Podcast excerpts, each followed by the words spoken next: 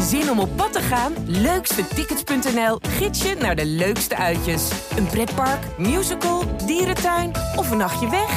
Start je zoektocht op leukstetickets.nl.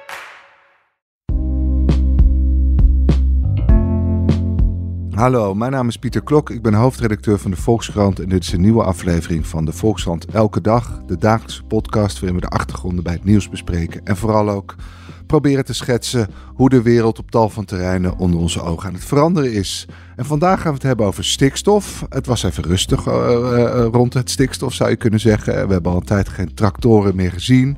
Er is een soort akkoord gesloten onder leiding van Remkes. Uh, dus het lijkt allemaal wachten op, op de uitvoer. Maar in de tussentijd gebeuren er toch echt wel rare dingen. En daar gaan we het vandaag uitgebreid over hebben met aan de telefoon Pieter Hotse-Smit. Welkom, Pieter. Dankjewel. Je hebt jarenlang uh, de Nederlandse boeren gevolgd en bent nu correspondent in Oost-Nederland en houdt dus nauwgezet in de gaten hoe de provincies ehm, dit beleid gaan uitvoeren. Hier bij mij aan tafel Fleur Dame, welkom. Dankjewel. Fleur heeft eigenlijk de rol van Pieter Hotse overgenomen, volgt de boeren en volgt nu vooral ook het stikstofdossier. En vandaag, Fleur, had je een toch wel wonderbaarlijk verhaal in de krant, mogen we zeggen, over het Drentse dorp Wapse. Waar uh, dus een Canadees bedrijf wat naar gas boort, ik vroeg me af waarom dat überhaupt nog mag, die hadden stikstofrechten opgekocht van een boer die eigenlijk al was gestopt. Ja, ik, ik denk dat we misschien moeten beginnen bij waarom ze überhaupt die stikstof willen kopen. Ja. Uh, want uh, allerlei bedrijven in Nederland zitten daar nu heel erg om verlegen. Dat is mm -hmm. vooral sinds begin november het geval. Het was natuurlijk al langer voor de boeren, maar nu ook voor bouwbedrijven of bedrijven die willen boren, mm -hmm. zoals dat Canadese bedrijf. Die moeten hun stikstofruimte regelen. En waarom, wat is er begin november gebeurd? Dat Toen is de bouwvrijstelling uh, door de Raad van State, dat is de hoogste bestuursrechter van Nederland, afgeschoten. Mm -hmm. De bouwvrijstelling was eigenlijk een geitenpaadje van het kabinet. Mm -hmm. Het kabinet uh, had niet zo'n heel goed stikstofbeleid gemaakt, volgens de Raad van State eerder al. Oké, okay, daar gaan we iets aan doen. Uh, maar we willen tijdelijke bouwwerkzaamheden niet helemaal stil laten leggen in Nederland. Dus zolang het tijdelijk is, hoef je geen uh, vergunning te regelen. Oké, okay, dus voor bouwt. bouwprojecten, als je daar stikstof bij uitstoten, dan werd er gezegd van nou, als het tijdelijk is, dan ja. vinden we het niet zo erg, uh, zien we ja. het door de vingers. En, en begin november zei de Raad van State, dat mag ook niet meer. Ook dat mag niet. De Raad van State zei, daar moet je ook gewoon een vergunning voor hebben. En toen zijn bedrijven uh, eigenlijk als een gek op zoek gegaan naar stikstofrechten. Ja, toen is het een stuk drukker geworden daar op die markt voor stikstofrechten. En dat Canadese gasbedrijf, die wilde twee nieuwe putten boren in Drenthe, want er liggen wat kleinere gasvelden dan uh, in Groningen. Mm -hmm. Die zijn ze aan het, uh, nou ja, aan het exploiteren en daarvoor hadden ze dus stikstofruimte nodig.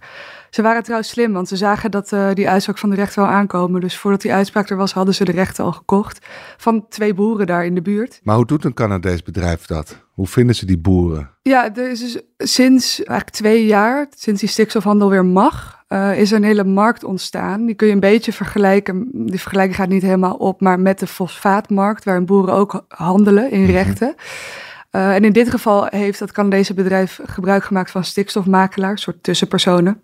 En die brengen vraag en aanbod bij elkaar. En dat zijn meestal mensen die al heel lang in de agrarische wereld werken. Dus die weten gewoon, deze boer heeft nog een vergunning liggen, die heeft nog wat stikstofruimte over. En hier is een bedrijf dat het zoekt, dus 1 ja. is 2. Maar die handel was er dus al, maar die was misschien vooral voor boeren onderling. Ja. Dat een boer stopte en dat de stikstofrechten dan door een ander werden overgenomen. Maar eigenlijk sinds dat besluit van de Raad van State zijn er eens allerlei nieuwe kopers op de markt gekomen. Uh, nou, daarvoor had industrie bijvoorbeeld het ook wel nodig als ze echt structureel stikstof uitstoten. Maar had, was het niet nodig voor een tijdelijk bouwproject bijvoorbeeld. En nu, al die tijdelijke bouwprojecten, die moeten nu ook uh, stikstof. Ja. Dus het is wel drukker geworden sinds november. Ja. Oké, okay, maar deze twee boeren, uh, de een was gewoon al jaren gestopt. Ja. Maar als je stopt dus als boer, dan hou je in principe je stikstofrechten. Of dat... Ja. ja, zelfs stikstofrechten bestaan zelfs niet. Dit is echt Oh. een verhaal vol Kafkaeske Oké. wendingen. maar dan hou je je vergunning. Tenzij de provincie besluit om die in te trekken, maar daar zitten allemaal haken en ogen aan. Je houdt je vergunning om te mogen boeren. En onderdeel daarvan is dat je een zekere hoeveelheid stikstof mag uitstoten. Ja, dus dit waren uh, veehouders, melkveehouders, uh, koeien hadden zij. Uh, en nou, x aantal koeien staat gelijk aan x aantal stikstof. Die vergunning hadden ze nog liggen. Ze, de ene boer die boerde al sinds 2015 niet meer, de andere sinds 2019. Maar die vergunning lag er nog, die is nu geld waard. Uh, dus die konden ze nu verhandelen. Hebben we enig idee hoeveel, hoeveel ze daarvoor hebben gekregen? Nou, dat willen ze niet tegen ons zeggen. Maar we weten wel dat die prijzen heel erg verschillen per locatie. Dus hoe dichter je op een Natura 2000 gebied zit, hoe duurder. Maar het gaat tussen... De prijzen zijn ook gestegen sinds de afgelopen maanden natuurlijk. Het gaat tussen de 10 en de 50. Nu hoor je, hoor je soms tot 200 per kilo is dat dan. Deze boeren zijn hier niet uh, heel erg rijk van geworden, want het ging om kleine aantallen. Maar het is nu wel iets wat nooit geld waard was, waar je nooit voor betaald, is nu opeens wel geld waard geworden. En hiervoor werd al gewaarschuwd toen uh, in 2019 het stikstofbeleid uh, werd af, ook al werd, hele, helemaal werd afgeschoten door de Raad van State. En als oplossing werd bedacht, nou we kunnen zorgen dat projecten weer door kunnen gaan als we dus gaan handelen in, uh, in stikstof. Want dat was daarvoor ook niet mogelijk. En de mensen die uh, verantwoordelijk zijn voor het uh, afschieten van het stikstofbeleid, de Mobilization of the Environment, die zeiden toen al van ja, als je iets wat vervuilend is uh, geld waard gaat maken, dan zul je zien dat allerlei partijen hun best gaan doen om zoveel mogelijk van het vervuilende in huis te hebben. En dat gebeurt dus nu precies. Dus iets waar, wat ze nooit zelf voor hebben betaald, is nu geld waard. En wordt dus ook te gelden gemaakt. Ja, dus dan is het eigenlijk de verleiding om, om stikstofrechten die eigenlijk al waren verdwenen. Mm-hmm. Want, die, want die boeren waren gewoon gestopt en die mm. vonden het helemaal niet nodig om nog een stikstofrecht aan een ander over te dragen. Dat die opnieuw worden geactiveerd. Dus, want, want de slotsom is dat er gewoon nu juist meer stikstof kan worden uitgestoten. Ja, dat is het hele verband aan, aan, deze, dit geval. Um, dat bedrijf heeft dus stikstofruimte gekocht van twee boeren. Dat mag allemaal. Dat is allemaal volgens de regels. Uh, om die uh, putten te gaan boren. En het ministerie concludeert dan, uh, nou dat is mooi, want dan komt er uiteindelijk door die transactie, door die deal, minder stikstof vrij. Want elke keer als je stikstofrechten koopt, je mag maar maximaal 70% kopen van de okay. ruimte. 30% komt dan ten goede aan de natuur. Oké. Dus op papier gaat de natuur er hier 30% op vooruit. Maar ja, de uitstoot was nul. Ja. Dus het ministerie zegt, de natuur gaat er hierop vooruit. Eh, maar er stonden heel lang geen koeien meer. Er was helemaal geen stikstofuitstoot. Nee. Hebben we nou het, het, het, idee dat er heel veel van dit tot slapende rechten nog zijn? Die... Ja. Dus er kan nog heel veel meer op de markt komen als de overheid niet ingrijpt. Er zijn ook bedrijven die, uh, die dus echt in de, in de geschiedenis gaan duiken van hun eigen bedrijfsvoering, waarbij ze dus aantonen dat ze, uh, uh, nou, dat in het verleden heel veel stikstof hebben uitgestoten en nu niet meer. En dus op basis van die historische rechten uh, alsnog proberen om weer zo, zoveel stikstof te mogen uitstoten. Terwijl ze dat vaak zelf helemaal niet nodig hebben, maar vermoedelijk dan ook wel weer willen verhandelen of iets dergelijks. Ja, er, er komen nu allerlei vergunningen uit hele diepe lades. Uh, om te kijken of er nog stikstof in zit. Oké, en, en uh, nou ja, om niet te vergeten waarvoor we het allemaal doen. Uh, de, de, het natuurgebied wat er vlakbij ligt, is dat inderdaad, wordt dat inderdaad bedreigd door stikstof? Hoe ziet dat eruit? Ja, ik, volgens mij hebben we 162, nou rond 160 Natura 2000 gebieden in Nederland. heel veel daarvan zijn overbelast met stikstof. En dit gebied, 90% ervan. Want wat is, is het voor gebied? De Drents-Friese Wold is dat. het is daar prachtig, zeg ja. ik als als leek. Als je ja. daar gewoon rond uh, fietsen, rondrijdt. Uh, maar het is zwaar overbelast. Dus er groeien allerlei soorten die heel erg veel van stikstof houden. En allerlei andere soorten verdwijnen. Ja. Dus daarmee is het ook exemplarisch wel voor de Nederlandse natuurgebieden. En de problemen die daar nu spelen. Ja, goed Pieter. Nu hebben natuurlijk de provincies de opdracht om boeren te gaan uitkopen. Sommigen zijn er al mee begonnen. Limburg loopt volgens mij voorop. Ehm, hoe kijken die hier tegenaan? Dat er nu ineens bedrijven zijn die ook stikstofrechten gaan kopen om ze vervolgens uh, uh, niet te gebruiken om de stikstof naar beneden te brengen, maar nieuwe activiteiten te ontplooien. Ja, dat, er wordt zeer gemengd op gereageerd. De, het begon volgens mij twee jaar geleden met Noord-Brabant zelf, die een bak kritiek kreeg toen ze eigenlijk in het hele land van Zeeland tot Drenthe boeren hadden uitgekocht om de uitbreiding van het industrieterrein Moerdijk mogelijk te maken. Daar was toen heel veel kritiek op. Uh, maar die Wild-West-praktijk zijn eigenlijk niet gestopt. In Gelderland uh, waren ze laatst uh, erg kwaad op Rijkswaterstaat. Toen bleek dat voor de verbreding van een snelweg in notabene de provincie Utrecht naar rond de Veluwe zes boerderijen in Gelderland waren opgekocht. Er was een afspraak tussen de provincie en het Rijk dat er altijd overleg zou zijn. Nou, dat gebeurt dus niet altijd. en het grootste probleem is eigenlijk voor die provincies dat in al die provincies zitten boeren die uh, geen vergunning hebben, die eigenlijk geen vergunning hebben om stikstof uit te stoten. Omdat vroeger, toen uh, er nog ander beleid was wat niet door de Raad van State was afgeschoten, mochten zij ja, als kleine belaster van natuurgebieden, hoefden zij alleen maar te melden dat zij uh, dieren hielden. En tegenwoordig moeten zij een vergunning hebben. En het lukt al 3,5 jaar niet om deze boeren uit de brand te helpen. Dan is het wel heel zuur als voor asfalt wel uh, ruimte wordt gevonden door Rijkswaterstaat, maar het ministerie van LNV dus niet een uitkoopregeling voor elkaar krijgt die ervoor zorgt dat er stikstofrechten vrijkomen voor boeren die wel door willen, maar ja, zonder dat ze zelf iets kunnen doen, uh, illegaal zijn geworden. Ja, want dat is eigenlijk de, de, de afspraak, ook al is die misschien niet expliciet gemaakt tussen de boeren en het ministerie. Ja. De eerste stikstofrechten die vrijkomen gaan we besteden om die uh, uh, ja, die, die praktijk van die boeren eigenlijk te legaliseren uh, alsnog. Ja, en daarbij is dus de stikstofruimte nodig die de provincies of zelf vinden met hun uitkoopprogramma's, of die het Rijk vindt voor die boeren. Hè? Dus door, als het, als ja, met uitkoopprogramma's die woest aantrekkelijk zouden moeten zijn. Maar de praktijk is eigenlijk dat commerciële partijen veel woest aantrekkelijker uitkoopprogramma's hebben, blijken te hebben. want Schiphol die heeft zijn zaakjes bijna al op orde om een vergunning te krijgen. Nou ja, dat Rijkswaterstaat die krijgt het bij snelwegen dus voor elkaar. Nou, zo zijn er nog een paar voorbeelden waar bedrijven dus makkelijker aan stikstofrechten blijken te komen dan provincies en Rijk. Want ja, drieënhalf jaar later en Limburg loopt voorop met twintig uitgekochte boeren. Tja, dan moet je toch wel afvragen of je het dan heel goed aan het doen bent. Ja, want uh, in al mijn naïviteit dacht ik aanvankelijk, is dit ook niet een goede ontwikkeling? Hè? Dat de private sector eigenlijk uh, boeren gaat uitkopen.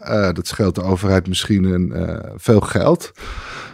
Is, is dit alleen maar ongewenst dat die handel ontstaat? Je, hebt natuurlijk ook de handel in CO2-emissierechten. Dan, dan kun je eigenlijk het, het prijsmechanisme inzetten om nou ja, om eigenlijk een prijs te zetten op, op vervuiling en milieubelasting. Um, uh, is, is dat niet een positieve kant eraan? Je, je, zou aan de ene kant kunnen zeggen, er is gewoon schaarste aan stikstofruimte. Er ontstaat een markt en die verdeelt dat, herverdeelt die ruimte. Mm -hmm. Dat is uh, zo oud als, uh, als ik weet niet wat. Maar er zitten hier wel wat complicaties aan. Want bijvoorbeeld die uitkoopregeling van het ministerie, daar worden miljoenen voor uitgetrokken. Dat is de grootste investering ooit om veehouders uit te kopen in Nederland ja, als partijen als Schiphol, Vermilion en andere grote bedrijven nu allemaal boeren uitkopen, dat drijft natuurlijk de prijs op die het ministerie straks moet gaan be betalen om ja. die boeren ook uit te kopen. Dus dat komt uiteindelijk terecht uh, bij de belastingbetaler, die prijs. Dus dat is een nadeel daarvan. En misschien wel het grootste nadeel is dat, volgens het ministerie althans, uh, dat zij nu niet hele belangrijke keuzes kunnen maken voor Nederland. Ja. Het is nogal wat als uh, Schiphol gewoon zelf kan bepalen.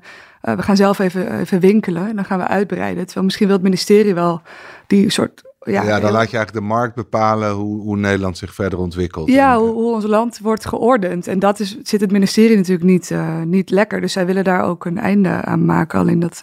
ja, want, want wat ik opvallend vond in jullie verhaal, dat eigenlijk niemand wil dat het deze bedrijf daar gaat boren. Of althans, de gemeente wil het niet, een natuurorganisatie wil het vanzelfsprekend niet. Nee. Uh, en dat vind ik zo, altijd zo wonderlijk in Nederland. Dat iets wat niemand wil, toch gebeurt. Kan, kan, kan niemand dat tegenhouden? Ja, omdat het volgens de regels is, gebeurt het toch, maar niemand wil het. Dus dat is in, nou ja, Want zij hebben de concessies op een gegeven moment gekocht om naar gas te mogen boren daar, of proefboringen te doen. Ja. En vanaf dat moment kun je daar eigenlijk niks meer tegen doen. Nee, dat is goedgekeurd door, door uh, landelijke overheid, dat zij daar gaan boren. Nou ja, de, in dit geval het ministerie van Landbouw heeft nu ook een voorlopige vergunning verleend voor deze stikstofuitstoot. Uh, dus nou ja, niemand wil het, daar kun je misschien je vraagtekens bij stellen, maar de hele omgeving wil het in ieder geval niet. En het is ook wel wrang, want ik sprak een gemeenteraadslid ook nog daar. En die, die uh, zei, en dat vond ik wel op zich wel een interessante observatie de boeren, een van de boeren die nu zijn stikstofruimte heeft verkocht aan het bedrijf, die was ook tegen de gaswinning, maar die heeft hij nu mede mogelijk gemaakt door zijn stikstofruimte te verkopen. Die wil natuurlijk niet dat zijn buren dat weten, nee. want dat ligt slecht in het dorp. Dus dat gemeenteraadslid zei tegen mij, ja, ik vind het eigenlijk heel triest dat doordat de landelijke overheid niet ingrijpt, deze kleine gemeenschappen ook nog eens uit elkaar worden gespeeld door zo'n groot bedrijf. Want je krijgt nu een situatie waar een heel dorp tegen is. Ja. Maar mensen toch eigen voor hun geld kiezen en dus hun stikstofruimte verkopen. En iets, ja, mogelijk maken wat ze eigenlijk helemaal niet mogelijk willen maken. Dat, dat levert allerlei hele ingewikkelde sociale problemen op. Maar is toch niet de, de, oplossing, uh, Pieter, dat er een soort wet komt dat, dat rechten in eerste instantie uh, aan de overheid worden aangeboden? Zoals ik heb begrepen is die nu ook in de maak. Hè? Dus de minister wil zorgen dat zij als overheid voorrang krijgt als, uh, als er stikstofrechten beschikbaar zijn. En vanuit een soort stikstofbank dan ook die rechten weer kan gaan verdelen. Maar goed, het zal moeten blijken, dat is nog maar heel recente uh, ontwikkeling. En het zal moeten blijken of dat dan ook echt gaat voorkomen dat dit soort dingen gebeuren. Want ik denk dat Fleur ook wel heeft gemerkt uh, bij haar verhaal in Drenthe dat het allemaal echt heel erg, ja, toch heel erg schimmig is. Het is niet zo'n professionele handelsmarkt als de CO2-markt. Het is een labmiddel om, ja, om activiteiten weer mogelijk te maken. Maar ja, de, ze zijn er al drieënhalf jaar mee bezig en tot nu toe leidt het vooral tot allerlei botsingen uh, met belanghebbende partijen. Dus ja, we zullen het zien. Springen ze ook niet in de gat? Kijk, jij, woont in Gelderland. Dat is de provincie uh, die het meeste stikstof uitstoot. Of althans, de, de landbouwsector in de provincie. Nou, de natuur heeft hier door de Veluwe het meeste lijden onder stikstof. Het grootste oppervlakte aan natuur dat onder druk ligt, ligt in Gelderland inderdaad. Maar Gelderland is nog niet heel erg actief, mag ik dat ook zeggen. En, en laten ze dan ook niet de ruimte veranderen om om dan boeren uit te gaan kopen. Is, is het ook niet een beetje hun eigen schuld dat ze, omdat ze zo traag van start zijn gegaan? Toen ik de gedeputeerde daarover interviewde, die zegt vooral: ik, ik, ja, ik heb hier 70 boeren klaarstaan, maar er moet ook geld zijn. En daar kom je toch weer bij de landelijke overheid, die zeg maar de programma's om uit te kopen vormgeeft en het geld ervoor vrijmaakt. Dat kunnen die provincies niet allemaal zelf betalen. Dus wat ze hebben kunnen uitgeven, hebben ze uitgegeven. En zij zeggen vooral: kom uh, over de brug met maatregelen die goed werken, niet te ingewikkeld. Want dat vinden ze ook vaak een probleem. Er zijn allerlei eisen. Boeren moeten bijvoorbeeld uh, krijgen een beroepsverbod. Nou, dat vinden ze ook lastig. Nou, dat heb je allemaal niet als je je boerderij aan Schiphol verkoopt. Ja, dus dat soort dingen lopen zij vooral tegenaan. Dus zij wijzen vooral terug naar het Rijk. Van ja, dit werkt voor ons niet. Hierdoor kunnen wij niet doorpakken. Ik zie Fleur een beetje met haar hoofd schudden. Uh, je, je schrijft er niet zo lang over, maar waarschijnlijk is jouw ervaring nu al dat iedereen naar een ander wijst. Ja, en iedereen een klein beetje boter op zijn hoofd heeft. Okay, nou is dat natuurlijk heel klein menselijk. Beetje. Vind, vind ik heel beschaafd, netjes van um, Maar die provincies, Pieter, dat, dat, uh, dat weet je als geen ander. Die hadden natuurlijk eerst bepaald dat, dat die handel in, uh, in die slapende vergunningen... dus de handel van stikstofruimte van stallen waar helemaal geen koeien staan... dat dat niet zou mogen. En die hebben dat toen teruggetrokken toen daar allemaal uh, trekkers naar de provinciehuis gingen in 2019. Uh, dus dat, dat kunnen we ons nog wel herinneren. Die, die scènes die kwamen mede door want die, die boeren vonden het dus schandalig dat ze niet... Ja, dat want niet hun argumentatie is wij hebben een vergunning gekregen. Ja, je kan ook niet als je een huis met drie slaapkamers bouwt en je hebt maar twee kinderen om erin te stoppen dat er één slaapkamer wordt afgepakt. Ja. Als wij een vergunning krijgen voor zoveel stikstofruimte, dan kan je niet zeggen we gaan die intrekken omdat je hem niet gebruikt. En dat wilden de provincies toen wel. En toen heeft, hebben de provincies na overleg met landbouwsector, uh, zoals de LTO het ministerie. Het ministerie heeft daar ook een verantwoordelijkheid gehad in die, in, uh, in die besluitvorming. Hebben ze gezegd, oké, de, de, meeste provincies hebben toen gezegd, oké, we, mogen, we gaan wel weer handelen in die slapende vergunningen. Het heet dan latente ruimte in de vergunningen. Ruimte die niet wordt gebruikt, waar geen koeien staan, waar geen uitstoot plaatsvindt, maar uitstoot mag je wel hebben uit je vergunning, zoals hier in Wapsen. Dus die provincies hebben zichzelf ook een beetje in die, die, in die benarde situatie laten. Ja. Maar wat was de logica van die boeren dan? Die hadden zoiets, ja oké, okay, uh, ik heb nog maar twee kinderen, voor, voor, dus die ene slaapkamer heb ik inderdaad niet nodig. Maar ik wil, het, ik wil me het recht voorbehouden om, om alsnog een kind in huis te nemen. Ja, want de, de, de analogie gaat natuurlijk niet op tussen kinderen en koeien. Ja. want uh, boeren, hun, uh, hun veebestand groeit heel vaak of krimpt weer. Ja, dus het, het varieert in het de varieert tijd. gewoon heel erg. Een boer heeft vaak een grotere vergunning dan die, no dan die no op, op, dat moment nodig heeft om ooit nog uit te breiden. Of als er een keer wat meer kalfjes worden geboren, dat hij wel die ruimte heeft. Oké, okay, maar je had het niet zo kunnen regelen dat je voor dat soort gevallen uh, uitzondering maakt. Maar in principe als je stopt wel gewoon de ruimte afpakt. Nee, de, de, de afspraak is als je stopt, maar je stal kan morgen nog in gebruik worden genomen. Ja, wat, wat dat precies inhoudt, weet niemand. Ja. Uh, da, dan kan je die rechten van die stal nog verhandelen. Ja, maar zij hebben nooit voor die rechten betaald, Nee. toch? Dus het doet een beetje denken aan de taximarkt. Oh, uh, of nee, dat was weer een andere logica. Maar dat je ineens iets wat geen waarde heeft, ineens waarde heeft. En dan ga je ervoor strijden, lijkt me als boer. Ik ben niet per definitie optimistischer geworden over... Uh, hoe, hoe, zie jij een snelle uitweg, uh, Fleur? Nou, het ministerie is daar vrij optimistisch over. Dat uh, uh, viel mij wel op. Die zeiden, ja, 1 april gaan we die uitkoopregelingen starten. En dan mhm. gaan we gewoon boerderijen uitkopen van boeren die dat willen. En de stikstofruimte gaat dan in die stikstofbank.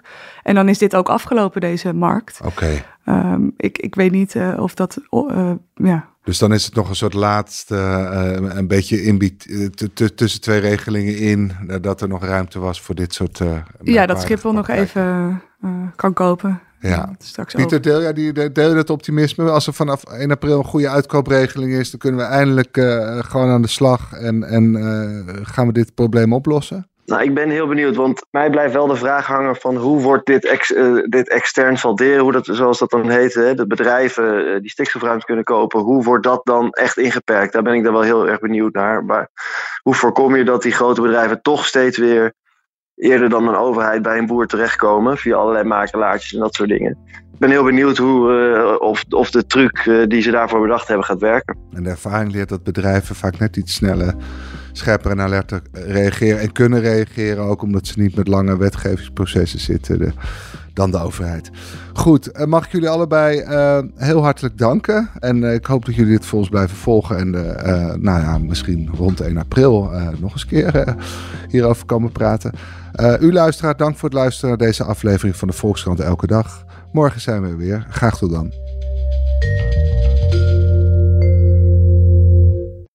Op zoek naar een auto?